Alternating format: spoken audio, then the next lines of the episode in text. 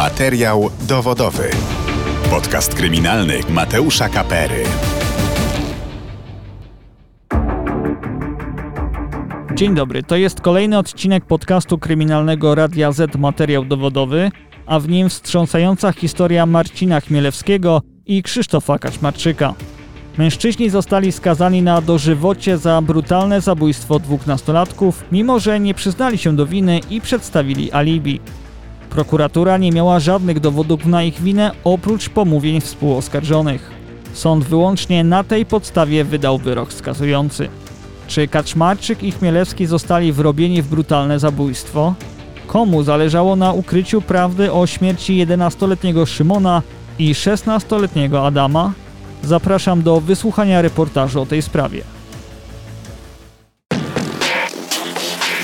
Kaczmarczyk i Chmielewski są niewinni. Oni po prostu zostali aresztowani pomimo tego, że nic złego nie, nie zrobili. W tej sprawie nie ma dowodu na to, żeby oni popełnili to przestępstwo. To nie może być tak, że można sobie każdego kopać popełnienie przestępstwa. Nie wiem, jak można żyć ze świadomością, że zniszczyło się życie dwóm niewinnym osobom. Jesienią 1998 roku w Giżycku na Mazurach dochodzi do brutalnego morderstwa braci Nefel, 11-letniego Szymona i 16-letniego Adama. Ze względu na okoliczności zbrodni sprawa wstrząsnęła całą Polską. Adam zginął po tym, jak sprawcy wbili mu w gardło trzy kołki. Natomiast obserwujący tragiczną śmierć brata Szymon został utopiony. Bardzo głośno to było, to wstrząsnęło Giżyckiem. Mówi Anna Biesiadecka, siostra jednego ze skazanych w tej sprawie, który nigdy nie przyznał się do winy. Ja pamiętam tylko sytuację u nas w domu, że co tydzień chyba w czwartek wychodziła Gazeta Giżycka e, i my o tym przeczytaliśmy w gazecie. E, I mama mówi właśnie, że kurczę, co w tym Giżycku się dzieje, tutaj dzieci zaginęły i zabroniła nam wtedy chodzić po zmroku, mieliśmy wracać wcześniej, bo nad Giżyckiem zapanował blady strach, dlatego że początkowo poszła plotka, że e, to sataniści e, zamordowali tych chłopców. Za ten brutalny mord skazanych zostało pięć osób. Robert T., Sebastian S., Piotr P. oraz Krzysztof Kaczmarczyk i Marcin Chmielewski. Wymienieni z imienia i nazwiska mężczyźni nigdy nie przyznali się do winy, a ich odpowiedzialność za śmierć braci Nefel budzi ogromne wątpliwości. Na podstawie pomówień współoskarżonych otrzymali najwyższy wymiar kary dożywocie. Jak to możliwe? Zacznijmy od ustaleń prokuratury i sądu w tej sprawie. Na podstawie zebranego przez śledczych materiału dowodowego sąd ustalił, że Adam i Szymon Nefel zginęli 11 października 1998 roku. Około godziny 14 chłopcy łowili ryby w pobliżu kanału nad mostem kolejowym w Giżycku. To wtedy zostali zauważeni przez pijących alkohol Roberta, Sebastiana, Piotra oraz Krzysztofa Kaczmarczyka i Marcina Chmielewskiego. Gdy mężczyźni podeszli do chłopców, Krzysztof miał krzyknąć do Adama: Ty, konfidencie, mamy cię nareszcie. Jak stwierdził sąd, Kaczmarczyk wraz z Chmielewskim siłą zaciągnęli Adama na polanę za wzgórzem Brunona. Wraz z Robertem T. i Piotrem P. brutalnie pobili chłopca. Krzysztof dodatkowo podduszał Adama szalikiem. Chłopiec próbował się bronić, ale nie miał większych szans. Jego ciało zostało przykryte gałęziami. Całą sytuację z niedużej odległości obserwował młodszy brat Adama, Szymon, którego pilnował Sebastian S. Chwilę później mężczyźni zaprowadzili jedenastolatka nad jezioro Niegocin. Nad brzegiem wody Krzysztof Kaczmarczyk, Marcin Chmielewski i Robert T. pobili chłopca, a następnie dwaj pierwsi utopili go w rzece. Po zabójstwie młodszego z braci mężczyźni wrócili do przykrytego gałęziami starszego Adama. Szesnastolatek wówczas jeszcze żył. Krzysztof Kaczmarczyk przyniósł trzy kołki. Dwa z nich w gardło chłopca wbili Krzysztof i Marcin. Do dziś nie wiadomo, kto miał wbić trzeci kołek. Według prokuratury i sądu po dokonanej zbrodni mężczyźni ukryli ciało Adama i wracając do domu złożyli przysięgę, że nikomu nie ujawnią tego, co zrobili. Ponad miesiąc po tragicznym wydarzeniu policjanci odnaleźli ciało najpierw Adama, a dwa tygodnie później Szymona. Wkrótce po tym policja zatrzymała pięciu mężczyzn, których następnie prokuratura oskarżyła o brutalne zamordowanie Adama i Szymona Nefel. Sąd prawomocnie uznał ich winnych popełnienia zbrodni. 18-letniego Krzysztofa i 19-letniego Marcina skazał na dożywocie. 18-letniego Roberta T. na 25 lat pozbawienia wolności, a nieletnich Piotra P. i Sebastiana S. na odpowiednio 8 i 7 lat więzienia. Krzysztof Kaczmarczyk i Marcin Chmielewski od samego początku śledztwa nie przyznawali się do zabójstwa braci Nefel. Zaprzeczali, że mają cokolwiek wspólnego z tą sprawą. Zamordowanych dzieci praktycznie nie znali, a z pozostałych oskarżonych kojarzyli jedynie Roberta T. W czasie ogłaszania wyroku Marcin Chmielewski krzyczał, że jest niewinny. Boże, za co? Jestem niewinny. Nie wiem, za co zostałem skazany. Nie mam z tym nic wspólnego. Krzyczał na sali sądowej Chmielewski. Dotarliśmy do akt sprawy zabójstwa braci Nefel. Z dokumentów sądowych wynika, że wersja obciążająca Chmielewskiego i Kaczmarczyka została ustalona przez prokuraturę i sąd jedynie na podstawie zeznań trzech współoskarżonych: Roberta T., Piotra P. i Sebastiana S. Oni zostali pomówieni przez e, współoskarżonych Tłumaczy Maria Eichhardt-Dibuła z Helsińskiej Fundacji Praw Człowieka. i taki dowód z pomówienia się rządzi swoimi prawami. To nie może być tak, że po prostu można sobie każdego, mówiąc y, potocznie, wkopać w popełnienie przestępstwa. No więc taki dowód z pomówienia musi być poparty innymi dowodami. To jest bardzo ważne. To nie może być jedyny dowód. To znaczy in, inne dowody muszą popierać tę wersję, którą, na którą mm, wskazuje pomówienie. Innych dowodów na winę Kaczmarczyka i Chmielewskiego śledczy nie znaleźli. Nie przeszkodziło to jednak prokuraturze oskarżyć mężczyzn o zabójstwo, a sądowi wydać wyrok skazujący. Kaczmarczyk i Chmielewski nigdy nie przyznali się do winy. Mieli nawet alibi. To była niedziela, jak się później okazało, to były wybory, w których Krzysiek po raz pierwszy mógł oddać głos. Wspomina Anna Biesiadecka, siostra Krzysztofa Kaczmarczyka. E, No niestety nie było to rejestrowane, ale pamiętaliśmy, że po tych wyborach e, przyjechaliśmy do domu na obiad, no, poszliśmy do kościoła, poszliśmy na wybory, pojechaliśmy do babci. E, Zeznawała babcia, zeznawały ciotki. Sąd powiedział, że rodzinie nie ma wiary, więc on, e, oni tego alibi Krzyśka nie przyjmują. Marcin też miał alibi. Rodzice zeznali, że tego dnia był w domu. E, To samo. O rzekomym udziale Marcina Chmielewskiego w zbrodni policjanci nie dowiedzieli się dzięki zebranym dowodom na miejscu zabójstwa czy zeznaniom świadków, a z wyjaśnień podejrzanego Roberta T., który ostatecznie okazał się jednym ze sprawców morderstwa braci Nefel. inaczej się ocenia wyjaśnienia e, sprawców, a inaczej zeznania świadków. Chodzi o to, że mówiąc w skrócie, że sprawca, który składa wyjaśnienia, nie musi mówić prawdy. Natomiast y, świadek, który zeznaje, musi mówić prawdę. Tłumaczy Maria Eichhardt-Dibuła. Policjanci postanowili zatrzymać Marcina Chmielewskiego jako podejrzanego o zabójstwo braci Nefel. 9 grudnia 1998 roku Krzysiek e, poszedł do Marcina. Marcin mieszkał blok przed naszym blokiem. Wspomina Anna, siostra Krzysztofa Kaczmarczyka. Stał u niego w klatce, czekał na niego i w tym czasie e, aresztow- przysz, przyszła policja, aresztowała Marcina. E, I też, żeby było śmieszniej, oni przyszli i nie wiedzieli, po kogo przyszli. E, Jak przyszli do domu państwa Chmielewskich, wtedy e, mm, siostry Marcina były same, bez rodziców. Marcina też wtedy nie było. I oni, oczekując na to, aż Marcin przyjdzie, wypytywali siostry, jakie on ma włosy, jak on wygląda i tak dalej, bo zupełnie nie wiedzieli, po kogo przyszli. No ale zaczekali, Marcin wrócił, skuli go wyprowadzili. E, W tym czasie Krzysiek stał na klatce schodowej, wtedy jeszcze im nie był potrzebny. Jak się później dowiedziałam od Marcina, całe popołudnie, całą noc i do następnego dnia katowali go tam, robiąc mu różne, przeróżne, dziwne rzeczy i pytali, z kim się koleguje. Marcin nie chciał powiedzieć, aż w końcu pękł.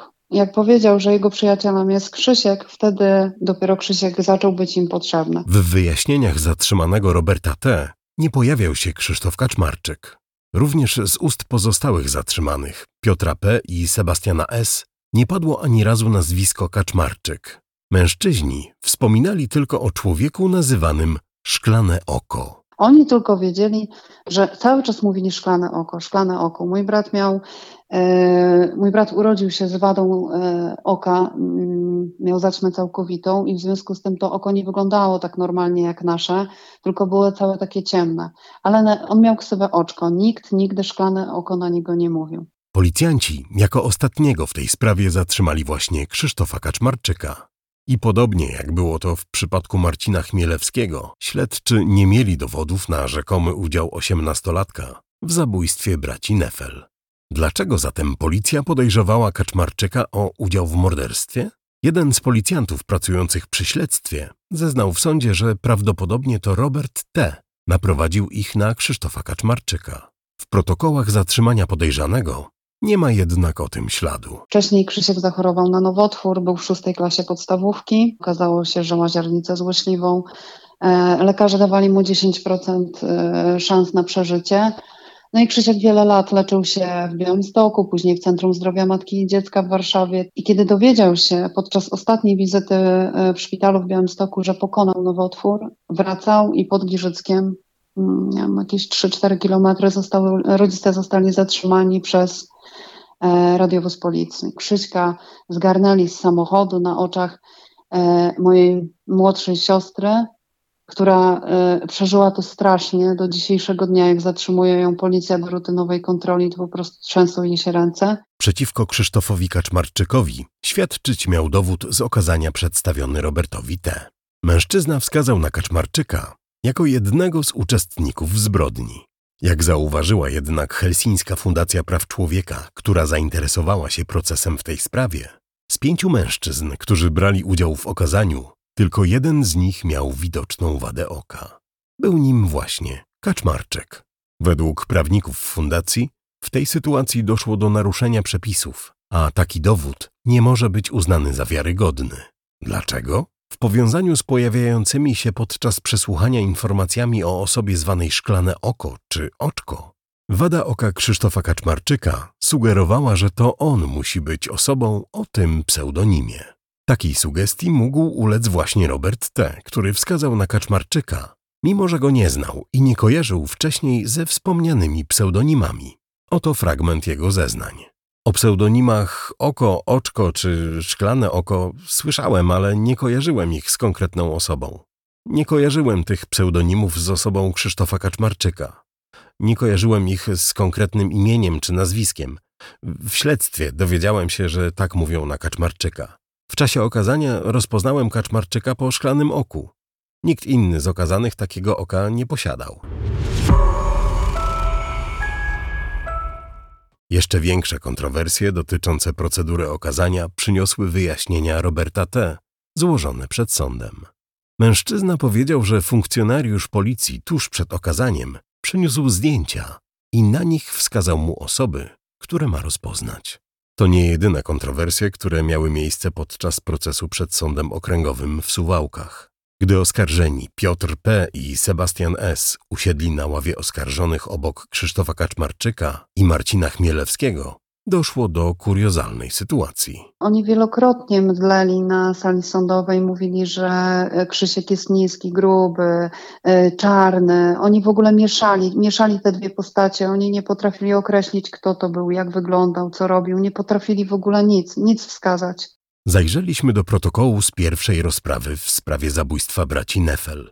Po odczytaniu aktu oskarżenia przez prokuratora o złożenie wyjaśnień przed sądem poproszony został Piotr P., Oto ich fragment. Ja słyszałem pseudonim Szklane Oko, ale to nie jest ten człowiek, powiedział Piotr P., wskazując na Krzysztofa Kaczmarczyka. Po czym dodał. Na sali rozpraw nie ma osoby o pseudonimie Chmiel. Policjant odczytywał mi wyjaśnienia i tam był pseudonim Chmiel, który ja później podałem. Tak wyjaśniam to, dlaczego wcześniej mówiłem o Chmielu. Z widzenia znałem najlepiej znałem bo chodziliśmy razem do szkoły. Pozostałych oskarżonych wcześniej nie widziałem. Piotr P. jako jedyny nie brał udziału w okazaniu Krzysztofa Kaczmarczyka i Marcina Chmielewskiego. Przed sądem twierdził, że wiele szczegółów w jego zeznaniach pochodziło z wyjaśnień innych osób, które były mu odczytywane. Sebastian S. podczas okazania rozpoznał Kaczmarczyka, Chmielewskiego i Roberta T. Jednak przed sądem wyjaśniał, że z oskarżonych znał jedynie Piotra P. Szesnastolatek powiedział również, że po zatrzymaniu przez policję był zmuszany do złożenia konkretnych wyjaśnień. Komendant miał mu również pokazać zdjęcia zatrzymanych osób. Oskarżeni Robert T., Sebastian S. i Piotr P. wielokrotnie zmieniali swoje wyjaśnienia. Jedynie Krzysztof Kaczmarczyk i Marcin Chmielewski prezentowali to samo stanowisko przez całe śledztwo i proces.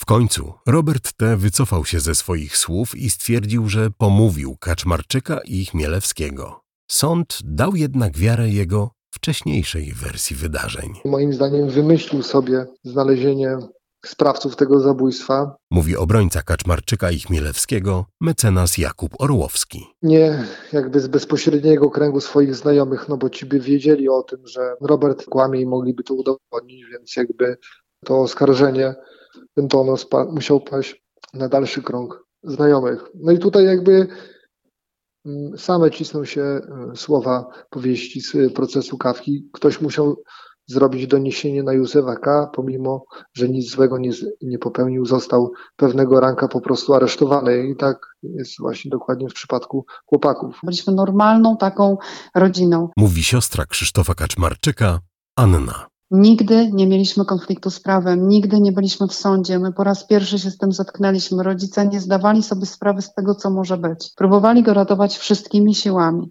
Próbowali konfrontacji pomiędzy chłopakami, próbowali wariografu, y, żeby, żeby zostały włączone do sprawy. Tata chciał zapłacić za to, nikt się nie zgodził.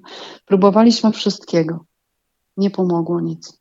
O niewinności Marcina Chmielewskiego i Krzysztofa Kaczmarczyka może świadczyć brak na ich odzieży jakichkolwiek śladów krwi czy DNA pochodzących od zamordowanych chłopców. Na ubraniach, które zabezpieczono w dniu e, zatrzymania z ich mieszkań, nie znaleziono ani jednej kropli krwi czy śladu DNA pokrzywdzonych. Mieliśmy w domu rewizję, u Marcina było to samo, Krzyśka rzeczy zostały zabrane z domu, z piwnicy, nie znaleziono kropki krwi, nie znaleziono włosa, nie znaleziono niczego przeciwieństwie do pozostałych oskarżonych. Na ich ubraniach ujawniono krew należącą do Adama i Szymona Nefel. W przypadku trójki pozostałych sprawców tego rodzaju dowody i ślady krwi na ich ubraniach zostały odnalezione. Podkreśla mecenas Orłowski. Sprawa zabójstwa braci Nefel mogłaby być mniej skomplikowana, gdyby policja zabezpieczyła ślady na miejscu zbrodni. To rozwiązałoby również wątpliwości co do udziału Krzysztofa Kaczmarczyka i Marcina Chmielewskiego w tym morderstwie. W tej sprawie, w sprawie no, bardzo poważnego i okrutnego zabójstwa, gdzie są dwie ofiary, mówi prawniczka Maria Eichhardt-Dibuła. Nie zostały zabezpieczone żadne dowody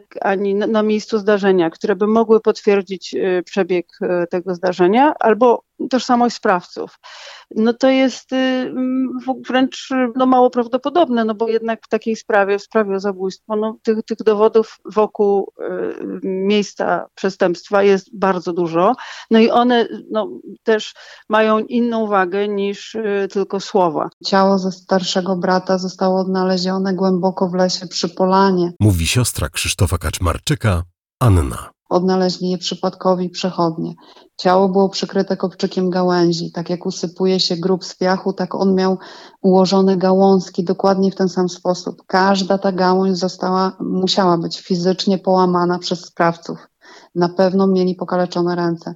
Dlaczego nikt nie, nie zdjął e, materiałów DNA z tych gałązek? To jest raz. A druga sprawa, z kołków, które zostały wbite w gardło, też nie zostały pobrane, e, nie został pobrany materiał do badania. Niedopałki papierosów, butelki po alkoholu, żadne ślady nie zostały zabezpieczone. To są tak rażące zaniedbania, że tutaj nie mówimy o szczegółach, tylko o podstawach, tak? Wymiar sprawiedliwości poległ również w kwestii ustalenia motywu zabójstwa. Nie wiadomo, dlaczego Krzysztof Kaczmarczyk i Marcin Chmielewski mieliby z zimną krwią brutalnie pozbawić życia braci Nefel, których praktycznie nie znali. Klucz tego wszystkiego e, to jest to, że nikt nigdy nie ustalił motywu tego morderstwa. Ja myślę, że to by wtedy pomogło odpowiedzieć na wiele pytań. Moim zdaniem osoby, które po prostu mają upośledzony poziom empatii, nawet by takiego czegoś nie zrobiły, to po prostu to, to byli straszni zwyrodnialcy. Mówi Paulina, siostra Marcina Chmielewskiego. Nie wyobrażam sobie, żeby mógł być takim zwyrodnialcem. Yy, nawet nie wyobrażam sobie, że on mógł, mógł na, mógłby na to patrzeć, co tam się działo. Pojawia się pytanie, czy Kaczmarczyk i Chmielewski mogli zostać wrobieni w to zabójstwo? Jeśli tak, to kto i dlaczego uwikłał ich w te zbrodnie? Helsińską Fundację Praw Człowieka zainteresował świadek incognito, który pojawił się w pierwszych dniach śledztwa. Z oczywistych przyczyn dane anonimowego świadka zostały usunięte z akt sprawy. Jak ustalili jednak prawnicy fundacji, świadkiem tym był prawdopodobnie Robert T. Do przesłuchania świadka incognito doszło 30 listopada 1998 roku. Jak zeznała matka Roberta T., jej syn właśnie tego dnia został zabrany przez policjantów do sprawy braci Neffel. Oto fragment jej zeznań.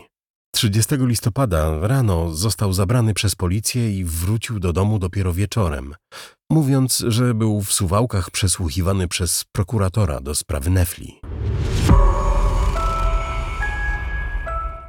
Obrońca Kaczmarczyka i Chmielewskiego, mecenas Jakub Orłowski, nie ma wątpliwości, że świadkiem incognito był Robert T. Najpierw pan Robert T., co zeznała e, matka w postępowaniu przygotowawczym w dniu 28 listopada przyznał się e, do zabójstwa i następnie został zabrany przez funkcjonariuszy policji i, i, i już procesowo, czy nieprocesowo wykorzystywany. E, w aktach sprawy znajduje się jeszcze taka notatka urzędowa z dnia 8 grudnia, czyli w przeddzień zatrzymania pana Roberta T., z której wynika, że policjanci e, w wyniku działań operacyjnych ustalili tożsamość sprawcy zabójstwa i tym sprawcą miał być właśnie pan Robert T. Tak naprawdę to policjanci dowiedzieli się o tym, kto stoi za tym zabójstwem już albo 28, albo 29 listopada. Ta wiedza była ukrywana. Sprawca zabójstwa, zamiast zostać tym, tymczasowo aresztowany, według naszej y, wiedzy y, miał status świadka anonimowego, co jest właściwie samo w sobie chyba historią, która jeszcze nie miała miejsca w polskim wymiarze sprawiedliwości, żeby sprawca zabójstwa miał e, status świadka. Na tej podstawie obrońca Kaczmarczyka i Chmielewskiego próbował doprowadzić do wznowienia procesu w sprawie zabójstwa braci Nefel. Sąd Najwyższy odrzucił jednak wniosek mecenasa Orłowskiego. Mamy pewność co do tego, że pan Robert T. był świadkiem anonimowym, natomiast y, w rzeczywistości sądowej ta okoliczność została naszym zdaniem w sposób, no, taki bym powiedział, mało logiczny zdyskredytowana, ponieważ Sąd Najwyższy zażądał od nas potwierdzenia tego, że nasze twierdzenia są prawidłowe, w ten sposób, że my musielibyśmy przedstawić utajnione dane świadka anonimowego. Takie działanie może nastąpić tylko z decyzji sądu i wymaganie od osoby, od oskarżonego, jego obrońcy, żeby spróbował ujawnić oficjalnie dane świadka anonimowego, no jest zadaniem wręcz niewykonalnym. Natomiast jeżeli tak się weźmie takie koronne argumenty, no to to, że policjant po tylu latach przyznaje, że, że pan Robert im pomógł, inny policjant anonimowy przyznaje, że on miał status świadka incognito, a Sąd Najwyższy pisze, że to tylko anonimowy policjant, treść tego uzasadnienia Sądu Najwyższego jednak jest próbą takiego szukania wyjścia z takiej trochę patowej sytuacji. Między przesłuchaniem świadka incognito a zatrzymaniem Roberta T. jako podejrzanego o zabójstwo było dziewięć dni. Co mogło wydarzyć się w tym czasie? Pan Robert T. cieszył się wolnością i miał w tym czasie możliwości do tego, żeby w taki sposób ułożyć swoją linię obrony, aby wybielić swój udział w tym zabójstwie. I tak się w rzeczywistości stało. Z prawdopodobieństwem graniczącym z pewnością e, zrzucił odium swojej winy na osoby trzecie. I dlatego nie otrzymał wyroku dożywotniego pozbawienia wolności. Gdy w listopadzie 1998 roku policjanci odnaleźli ciało zamordowanego Adama, wciąż nie wiedzieli, co stało się z młodszym Szymonem. Presja na śledczych rosła z dnia na dzień. Dopiero dwa tygodnie później ujawniono zwłoki młodszego z braci. W tym samym dniu przesłuchiwany był również świadek incognito. Policjanci do tego dnia, co wynika z analizy sprawy, nie mieli zielonego pojęcia, o tym, e, kto jest, e, czy może być sprawcą zabójstwa oraz gdzie mogą być ukryte zwłoki. To w wyniku tak naprawdę jakichś działań telepatycznych oni mogliby się dowiedzieć o tym, gdzie, gdzie są ukryte zwłoki tych e, dwóch braci, a tak w rzeczywistości to na te zwłoki nakierował ich pan Robert T. I ta informacja, która została podana w notatce urzędowej, ona jest jakby sprzeczna z tym, co się w rzeczywistości działo, no bo pan Artur o godzinie 10 przesłuchiwał jeszcze świadka, aby kilkadziesiąt minut później być już na miejscu ujawnienia zwłok i z protokołu oględzin e, z dnia odnalezienia tych zwłok wynika, że uczestniczył w tym protokole E, w tych e, oględzinach od początku, więc w jaki sposób policjanci, którzy tak de facto wykonywali inne czynności, e, mogli uzyskać wiedzę o miejscu ukrycia zwłok. Czy Marcin Chmielewski i Krzysztof Kaczmarczyk padli ofiarą spisku?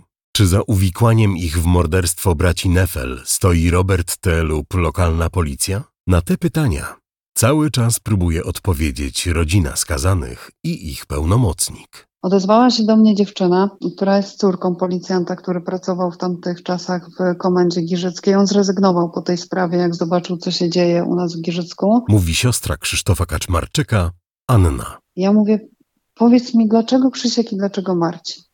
A ona mi powiedziała, a znasz wyliczankę, na kogo padnie na tego Benz?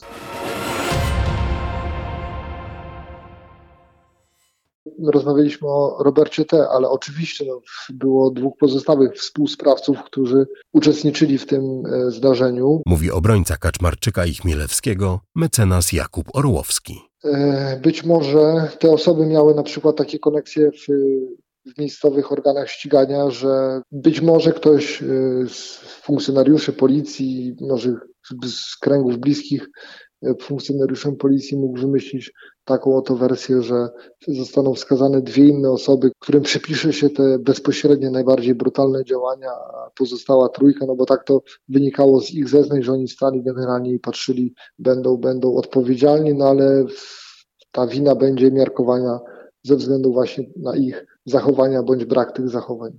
Od wyroku skazującego Marcina Chmielewskiego i Krzysztofa Kaczmarczyka minęło już ponad 20 lat. W tym czasie rodzina skazanych przy wsparciu Helsińskiej Fundacji Praw Człowieka, prawników oraz dziennikarzy próbowała walczyć o wznowienie procesu i uniewinnienie mężczyzn.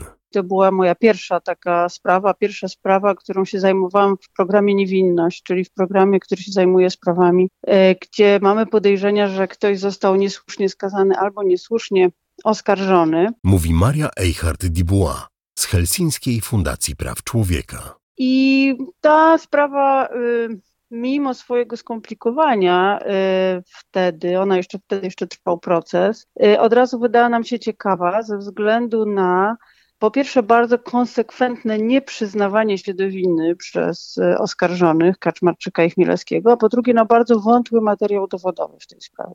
Innymi słowy, było bardzo mało dowodów na to, że Chmielewski i Kaczmarczyk mogą być spraw, sprawcami tego zabójstwa. Wydawało się, że największe szanse na uniewinnienie Kaczmarczyka i Chmielewskiego były w 2013 roku, gdy do Sądu Najwyższego trafił wniosek o wznowienie procesu. Obrońca skazanych przedstawił nowy dowód w sprawie. Marcin Chmielewski nagrał przemyconym do więzienia dyktafonem, jak Robert T. mówi mu, że on i Kaczmarczyk są niewinni, bo zostali wrobieni w zabójstwo braci Nefel. Ze względu na okoliczności, nagranie jest słabej jakości. Mimo to zdecydowaliśmy się zaprezentować jego fragment. Ty i Krzychu zostaliście wplątani nie przeze mnie, Tylko przez kogo? przez dwóch psów. Dlaczego No, oni nas w to wmieszali? ja nie wiem. Oni ci kazali mnie skazywać Krzyśka. Ja y, początku... Tobie osobiście, ja nie mówię- Posłuchaj, mnie wzięli za ten, za lustro, nie? No, I ciebie jeszcze nie było, nie? no. Ja skazałem tylko tych, co byli. A was, kurwa, nie skazałem. Kurwa, był, był ja, byłem ja, No, yy, był no. i dwóch klientów, których, których ja w ogóle na oczy nie widziałem, kurwa. Ale kogo to byli znajomi? Twoi czy jego? To byli znajomi twoi czy ich? Ich. Ale nie znasz? Nie, nie. Krótka wersja. Przy mnie i przy nich. Powiedz. Czy jesteśmy niewinni, czy nie? Jesteście niewinni, bo was tam kurwa nie było. Robert T. zaręczał Marcinowi Chmielewskiemu, że powtórzy te słowa przed prokuratorem. Faktycznie, na początku przesłuchania potwierdził, że Chmielewski i Kaczmarczyk są niewinni, ale chwilę później wycofał się z tego. Samo nagranie nie przekonało Sądu Najwyższego, który oddalił wniosek o wznowienie procesu. W tym momencie poczułam, że zderzyliśmy się ze ścianą, Mówi Paulina, siostra Marcina Chmielewskiego. że możemy pokazać y, milionom Polaków nagranie, gdzie współoskarżony przyznaje się do tego, że pomówił mojego brata i jego kolegę o podwójne morderstwo, że został do tego nakłaniany przez policjantów, że całe śledztwo bez poszanowania ofiar zostało przeprowadzone w sposób bardzo wątpliwy. I nie wiem, co mam powiedzieć. Po prostu w tym momencie nas to po prostu wszystkich złamało. Na przestrzeni lat obrońcy Chmielewskiego i Kaczmarczyka złożyli kilka wniosków o ponowny proces w sprawie zabójstwa braci Nefel. Za każdym razem były jednak odrzucane. Nie ma żadnych dowodów świadczących o tym, że Krzysztof Kaczmarczyk i Marcin Chmielewski zamordowali braci Nefel. Sąd skazał ich na podstawie pomówień współoskarżonych, w tym Roberta T., który wycofał się z nich podczas procesu oraz po jego zakończeniu. Ja nie mam wątpliwości co do tego, że zarówno Kaczmarczyk, i Chmielewski, i Marcin Chmielewski są niewinni. Mówi prawniczka Maria Eichhardt-Dibuła. W tej sprawie nie ma dowodów e, i na to, żeby oni popełnili to przestępstwo, a też jest taki aspekt e, ludzki. Rozmawiałam z nimi przez te 20 lat e, często i po prostu uważam, że y, znaczy dla mnie to, w jaki sposób oni rozmawiali o tym, był bardzo wiarygodny. Nie można zapominać również o tragedii, jaką przeżyła rodzina Adama i Szymona Nefel. Ich matka do dziś nie wie, dlaczego zginęli jej jedyni synowie. Na przestrzeni lat pojawiły się dwie wersje, które mogą tłumaczyć powody zabójstwa chłopców. Ten starszy z chłopaków, on był taką powsinogą giżycką. On tutaj usłyszał coś, poszedł, powiedział gdzieś tam tak, e, gdzie się nie pojawił, tam komuś podpadł. Mówi siostra Krzysztofa Kaczmarczyka, Anna. W każdym bądź razie, no później okazało się, e, że on bardzo często pojawiał się w porcie Yellow podczas e, jednej z dyskotek, czy też koncertu. E, Podpadł e, takiej giżyckiej mafii i najprawdopodobniej e, przez to też zginął. Adam i Szymon mieszkali obok baru, pod którym podłożono bombę. Być może zginęli dlatego, bo widzieli za dużo. W pierwszej kolejności myśleliśmy, że taki był motyw, dlatego że oni widzieli za dużo. No ale to, to zostało wykluczone e, przez sąd, że to, to nie był motyw. No ale mówię, ale tego motywu też nigdy nie ustalili. Nawet się nie starali ustalić. Krzysztof Kaczmarczyk w jednym z wywiadów powiedział, że mimo dożywotniego wyroku nie wyobraża sobie, że spędzi całe życie w więzieniu. Niestety, kilka miesięcy temu zmarł za więziennymi murami. Chcieliśmy tylko, żeby prawda wyszła na jaw, żeby Krzysiek, żeby zwrócono mu jego życie na tyle, na ile się da. Ale niestety, no, to było ponad nasze ludzkie siły. Ja prosiłam Pana Boga o cud w tej sprawie. I ja wierzę, że Pan Bóg ten cud uczynił. Że my po ludzku tutaj nie byliśmy mu w stanie pomóc. Dlatego Pan Bóg go zabrał do siebie. Nie dało się inaczej. Wspomina siostra Krzysztofa, Anna. W zakładzie karnym pozostaje Marcin Chmielewski. Za kratami siedzi już prawie 25 lat. Robert T., który usłyszał wyrok 25 lat więzienia, cieszy się już wolnością. Piotr P. i Sebastian S., którzy usłyszeli najniższe wyroki, już dawno opuścili mury więzienne. Rozpoczęli nowe życie, założyli rodziny i zamieszkali z dala od Giżycka. Nie boi się pani, że pani brat Marcin Chmielewski, że on podzieli los Krzysztofa Kaczmarczyka? Oczywiście, że, że boję się takiej opcji. Boję się, że to jest, że okaże się, że dwie osoby y, umrą w poczuciu samotności, y, totalnego upokorzenia. Mój brat nie wie, dlaczego życie mu przecieka przez palce i każdy jego dzień wygląda tak samo. Dlaczego nie może założyć rodziny? Oni tego nie wiedzą i być może się nie dowiedzą, dlatego że organy ścigania nie chcą tej sprawy podjąć jeszcze raz.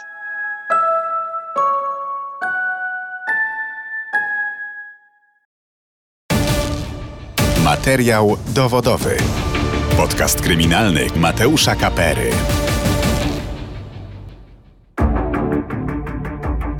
Gdy w 2018 roku Tomasz Komenda opuszczał więzienie, w którym został niesłusznie osadzony, w rodzinie Kaczmarczyków i Chmielewskich pojawiła się nadzieja, że następni będą Marcin i Krzysztof.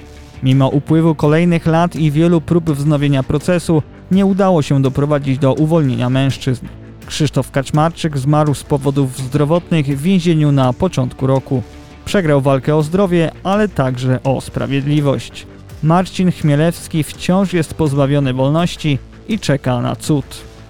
To wszystko na dziś. Zapraszam do wysłuchania poprzednich odcinków podcastu, które dostępne są na kanale Radia Z w serwisie YouTube i na player radioz.pl, a także na platformach streamingowych Spotify, Apple Podcast i Google Podcast. Oceniajcie, komentujcie i zgłaszajcie nam sprawy, o których chcielibyście usłyszeć w kolejnych odcinkach. Każda Wasza reakcja, komentarz czy udostępnienie odcinka pomagają nam docierać do nowych słuchaczy. Ja się nazywam Mateusz Kapera, dziękuję za uwagę i do usłyszenia w kolejnym odcinku.